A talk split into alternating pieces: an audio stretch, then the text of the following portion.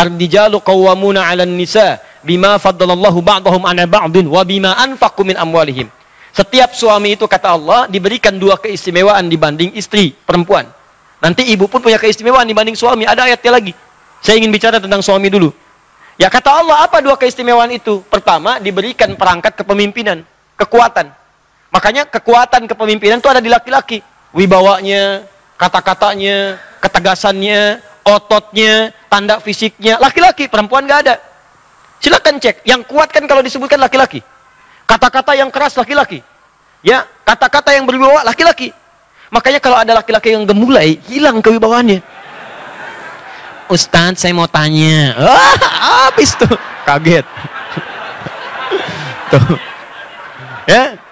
Makanya nggak ada laki-laki begitu jadi imam bubar sholat. Ya. Allahu Akbar. Ah.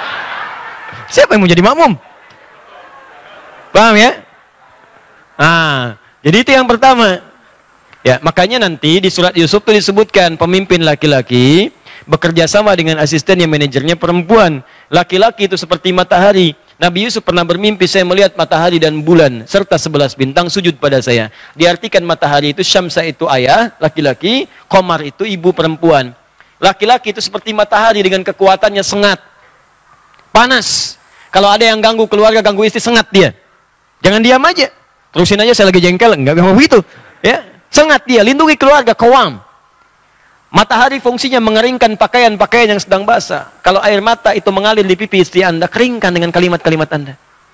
Sayang, jangan menangis sendirian, hatiku gelisah. Itu, catat. itu maksudnya. Keringkan, keringkan, keringkan. Ya, perempuan seperti bulan. Bulan itu kan keindahan. Orang kalau mau lihat keindahan, nggak ada yang lihat matahari. Belum pernah saya tanya mau ke mana Pak lihat keindahan matahari. Nggak ada. Pasti lihat bulan keluar, indah, tampil. Demikianlah seorang istri yang baik. Begitu suami pulang lihat. Cantik fisik itu relatif, walaupun jelek mutlak. Ya. Tapi keindahan akhlak itu utama. Makanya Sayyidah Khadijah itu kan ketika Nabi melihat tuh hilang kegelisahannya. Nabi itu sedang capek, lelah. Menerima dakwah, nyampe rumah, lihat wajah istri, baru lihat, lihat aja. Itu hilang kegelisahannya, baru lihat wajahnya. Dia bukan bicara masalah kecantikan fisik, bukan. Keindahan kata-katanya, keindahan tampilannya. Itu gimana caranya bu? Suami pulang dari kantor, capek, pekerjaan menumpuk, nyampe rumah, ya di jalan dikelaksonin, dibalap orang gitu kan, gak enak. Nyampe rumah begitu lihat ibu buka pintu, Assalamualaikum, Waalaikumsalam. Lalu kelihatan ibu, Masya Allah, tambah masalah. Ya. Ah, itu tandanya ada ketidaksesuaian. Belajar. Sekarang banyak buku tentang Khadijah. Banyak buku, ada cetakan A, cetakan A, cetakan B. Baca bagaimana Sayyidah Khadijah. Kalau yang gesit-gesit belajar dari Sayyidah Aisyah. Ya, kalau yang penyabar belajar dari Sayyidah Saudah binti Zam'ah. Semua ada keutamaan. Makanya sering saya katakan di episode yang lalu, kenapa Nabi diperkenankan menikah lebih daripada empat istri? Karena semua istri Nabi mewakili seluruh karakter perempuan di muka bumi. Makanya ibu lihat-lihat dirinya kira-kira mirip siapa. Lihat cek karakternya. Lalu pelajari dari situ. Ya, jangan tertukar kadang-kadang. Maaf ini suami jadi bulan, ya istri jadi matahari. Itu yang repot. Jadi nggak boleh ada cerita suami takut istri. Nah, jadi yang pertama itu, yang kedua, wabima anfaku min amwalihim. Suami itu diberikan perangkat untuk cari nafkah. Kerja apa? Di suami itu ada. Bahkan di surat An-Nur itu kalau Anda mau keluar, rizki itu datang, Pak. Ya, rizki itu tidak turun dengan amin. Amin, amin, amin. Gak turun dengan itu.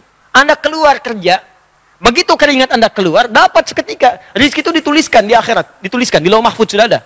Dituliskan di langit. Ya Quran surah ke-51 ayat 22. Paling kanan agak sedikit ke bawah. Wa fis sama'i rizqukum wa ma tu'adun. Di langit rizki Anda dituliskan sudah ada dan dijanjikan oleh Allah akan diberikan. Kapan itu diberikan? Kalau Anda keluar mau kerja menjemputnya. Anda keluar baru keluar rumah tuh dituliskan. Bergerak Anda, rizki turun. Cuma kadang-kadang ada yang turun langsung seketika, ada yang diakumulasikan sehingga jumlahnya terasa besar. Cuman kadang-kadang Anda nggak sadar. Hari pulang pertama nggak dapat, sepekan nggak dapat. Begitu sebulan keluar, keluarnya banyak. Sebulan yang diakumulasikan. Kenapa ditunda oleh Allah? Karena Allah ingin mendengar doa Anda. Sebab kalau orang usaha belum dapat hari itu, pasti tahajudnya nambah. Baca Qurannya meningkat. Kadang-kadang dia puasa yang selama ini nggak pernah dia kerjakan. Sedangkan Allah pencemburu, apalagi bagi orang ahli dunia. Kerjakan, kerjakan, kerjakan. Rizki datang. Coba anda lihat kalau nggak percaya. Orang modal cuma tangan aja di persimpangan jalan. Eh, masuk 5 ribu. Thank you bos. Bos, 5 ribu. 2 ribu masih bapak. Ya, 10 ribu dipanggil om anda. ya, ada yang modal peluit. Ada yang jalan. Ada yang bawa barang-barang. Ada yang belajar sampai tinggi-tinggi-tinggi sehingga dengan peningkatannya melesat. Tapi ingat baik-baik kata Allah, setelah dapat itu semua, yang harus Anda petakan, coba pelajari kebutuhan rumah tangga itu berapa. Sebulan 20 juta, gaji 30 juta pendapatannya. 30 juta, maka pahamilah kata Allah yang 10 juta, itu bukan saya lebihkan, tapi saya berikan kepada kamu untuk nyari akhirat. Cuma di belum itu diambil.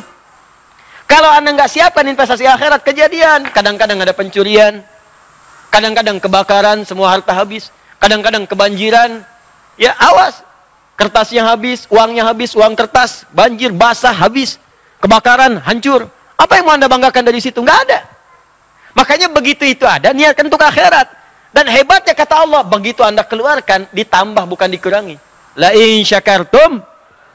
Quran surah 14 ayat yang ketujuh. Gimana mengeluarkannya? Ada zakat. Begitu zakat dikeluarkan naik 10 kali lipat. Makanya keluar zakat, zakat, zakat, zakat. Makanya kata Allah kalau ada orang lupa zakat, ingatkan dia. Kalau perlu ambil. Ya yang berhak supaya dikeluarkan. Saking sayangnya Allah supaya nambah hartanya bukan berkurang. Kalau nggak dikeluarkan ada ancaman, kalau dikeluarkan tambah 10 kali lipat. Di mana dalilnya Ustadz? Quran surah ke-9 ayat 103. Diberikan ke 8 golongan Quran surah 9 ayat ke-60. Yang 103, khudh min amwalihim sadaqah ambil dari harta temanmu itu. Tuh, ingat dia zakat belum keluar, ingatkan supaya zakat. Berikan ke delapan golongan. Dapat sepuluh pahala. Ningkat lagi hartanya, ningkat, ningkat, ningkat, ningkat minimal sepuluh kali lipat. Kalau sudah keluar zakat masih ada, infak keluarkan. Infak itu lebih dahsyat. Kalau zakat fardu memang harus keluar. Kalau infak itu sunnah. Kalau dikeluarkan pahalanya lebih daripada zakat 700 kali lipat paling minimal. 700 kali lipat paling minimal.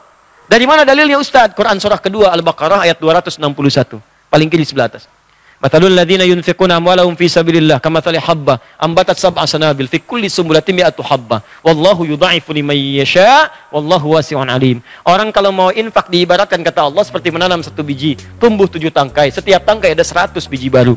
Satu kali tujuh kali seratus, tujuh ratus kali lipat paling minimal. Bahkan bisa dilipat gandakan tanpa batas sesuai keikhlasan. Makanya kadang-kadang disentuh pengajian, ada kotak infak, ya. Itu bukan mobil-mobilan tuh. Lewat, lewat, lewat, bukan. Kotak infak.